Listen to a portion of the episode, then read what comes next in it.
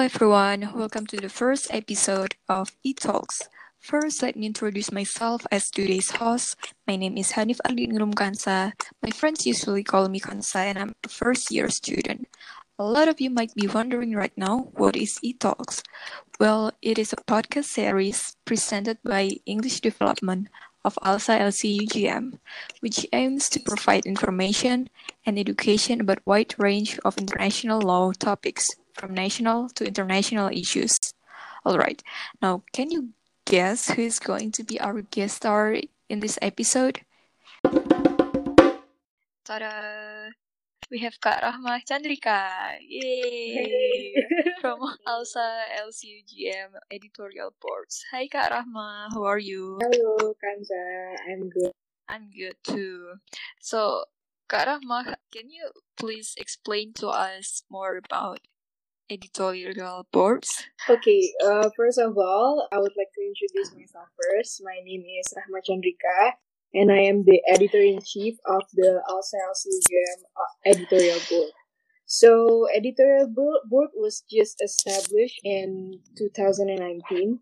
So mm-hmm. it was really a short-lived specialized staff for a from the ALSA LCUGM, mm-hmm. and it aims to improve the legal writing skills, researching skills for ALSA LCUGM members. So usually we would encourage students in ALSA LCUGM to write about things that they are passionate about, but specifically in law.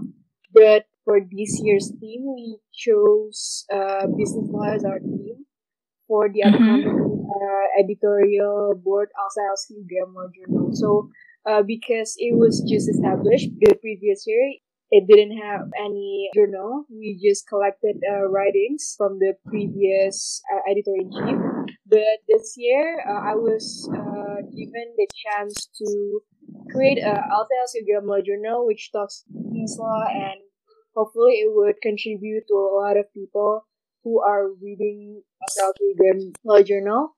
And this time it will be an ISSN number, which makes these writings later eligible for citation. So mm. you can say that if you can contribute to also a Grammar Journal, then you are a legitimate writer. Yeah, that sounds interesting. So, any of you who is interested in writing or the business law itself, uh, you should join or participate in writing to contribute to the journal. So, alright, now that we have introduced ourselves, let's get into today's topic. On May 29, 2020, President Donald Trump announced his decision to United States from a long-established treaty arrangement, which is their participation in the World Health Organization or WHO an international organization that was founded in 1948 and is based in the European country of Switzerland. So, under this topic, we have several points of discussion, such as um, WHO as international organization, procedure and impacts of US withdrawal, and Indonesia's response in regards of the issue, all in the perspective of international law. Firstly, um, uh, I'd like to ask what is an international organization and what makes WHO different from other national organizations? Okay, so uh, by definition from inter- the International Commission, international organization is an organization established by a treaty or other instrument governed by international law and possessing it its own international legal personality. So international mm-hmm. organizations generally have states as members, but often other entities can also apply for membership. They both have international law and are governed by it. Uh, yet the decision-making process of international organization is often uh, less a question of law, but more of a political partnership. So, um, mm. in the modern international law, international organizations have been instrumental uh, for shaping the modern world order and for shaping the diplomacy that the states have enjoyed today. Mm, I see. So, international organization itself is also a platform for states to um, enhance their relations, right? Uh, yeah. So, mm, what makes WHO different from the, the rest? Uh, by classification, I think WHO is an international organization by purpose, meaning that it, it was created for a particular purpose, in, uh, which is in this case in, is an international public health. So, uh, by uh, definition, WHO is an international organization that has specific purpose and it is a specialized agency of the United Nations that is responsible for international public health. Mm, so WHO is under the United Nations. Yes. Next is about regarding the news about US announcement in withdrawing from WHO. Is there any specific procedure of member states to withdraw from certain international organization? Uh, there is actually uh, uh, memberships. Uh, first of all, I would like to explain that memberships may be terminated by withdrawal, uh, mm-hmm. which is a voluntary act of the member state. It can also be terminated by expulsion, uh, which is a measure taken by the organization against the member state. And uh, last but not least, by uh, it can be terminated by the loss of members membership upon failure to accept an amendment of the constitution of the organization. Therefore, international organization withdraw it withdrawal occurs when a member state voluntarily removes itself from all contractual obligations and legally terminates its membership. So when a state withdraw from the from an international organization, it means that it has also uh, not it, it does not only terminate its membership, but it also has to remove itself from all contractual obligations, meaning from mm. the treaties that they have signed, that they have ratified, or the convent uh, the programs that they have signed for. So uh, I think it, it it would really terminate every connection that the state has ever had with the international organization. Mm, so does that procedure also applies to WHO? Yes, actually there are proceedings regarding withdrawal, uh, states withdrawal from international organization and it is uh, the possibility of withdrawal from international organization is actually quite uh, broad, broad across institutions. In the Vienna Convention on the Law of Treaties, uh, it establishes that states can legally withdraw when, when an international organization covenant explicitly outlines withdrawal terms. There about about sixty percent of international organizations have have actually a withdrawal clause. Additionally, a state can withdraw from a treaty without a withdrawal clause when all parties agree. So uh, it can be said that even if WHO does not have withdrawal clause in its uh, in its uh, consti- in, in its constitution, uh.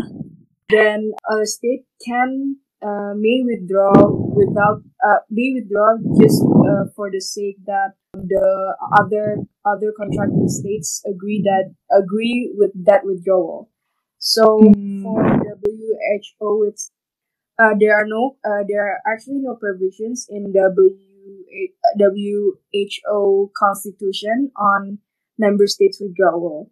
So, however, the US Congress actually laid out its own conditions for withdrawal when the government signed on to become a member of WHO in 1948 and the conditions state that the United States states reserves its right to withdraw from the organization on a one-year notice, provided, however, that the financial obligations of the United Nations to the organization shall be met in full for the organization's current These conditions are actually unique to the United States, but uh, uh, but they have not yet been fulfilled. So, um, um, uh, the U actually can withdraw from the WHO, but uh, when they have not met those requirements, they cannot legally withdraw from the WHO. Mm, so, based on these requirements, uh, just because President Trump already announced or declared that the United States is withdrawing from WHO, it actually not enough to officially withdraw the United States from the organization, correct? Yes, correct. Okay. There is, See. there is considerable uncertainty and debate about this issue, Uh-uh. and uh, uh, there oh, people have also debated uh, about uh, and clarifying about what terminating means in in WHO and the US relationship. But as long as the requirements have not been fulfilled, then the US cannot officially declare that they are no longer part of the WHO. Mm, I see. Uh, what if let's say that the United States is officially withdrawing from WHO? What impacts will it brings to the states itself? Uh, I gotta say that it would create a double-edged sword impact where it could both uh, simultaneously affect the US and the WHO. Uh, for the US, it could hamper health access for the American citizens to fight for the coronavirus, Mhm. while uh, for the WHO, it could affect. Uh, uh, it would make the WHO harder to muster an, interna- an international response to the coronavirus and other critical public health work. This could also potentially reaching consequences for not just WHO budgets, but how global health research and, inno- and innovation works. And it is shared around uh, because it is shared around the world. US contribution is more than just the government. Much of global health financing comes from the U.S. private philanthropy, philanthropy and, pri- Mm. and the private sector. The U.S. was was the most co- contributing state for the financially for WHO. So when they withdraw from that, it would uh, uh it would automatically make the uh, WHO short for their financial long term goals. So uh, so therefore there is a degree of dependency that actually there you know like there's a degree of there's a degree of dependency where WHO and the uh, United States need each other. I see. So it's like both of them share the uh, this kind of mutual dependency, right? Reflecting from this relation between the US and WHO, if let's say at the end they officially withdraw from that organization, will it also affect other states which are members of the WHO? Uh, it could, to some extent, uh, affect other member states. For example, the U.S. has previously contributed over 400 million per year to WHO's 4, 4.8 billion annual budget. More than Mhm. so, when they officially withdraw from that, means that there will no and there will no longer be a inflow financially from the United States. So, uh, uh, maybe it could potentially harm other states to the extent where the programs of the uh, WHO would, would be shortened or like they would limit the programs. For example, recently WHO facilitated by the World Food Program supported supplies of face shields, gloves, medical aprons, and thermometers for the Nam- Namibian government. Uh, however, if the US officially withdraw from the WHO, these kind of programs would not be so ambitious anymore. It would not be uh, as much as it used to. So I think that uh, the degree of the extent of that it could affect other states are uh, those programs that uh, the US have sponsored pertaining to the international public health. Mm, I see. So, what Indonesia can learn from the withdrawal declaration of the US from WHO?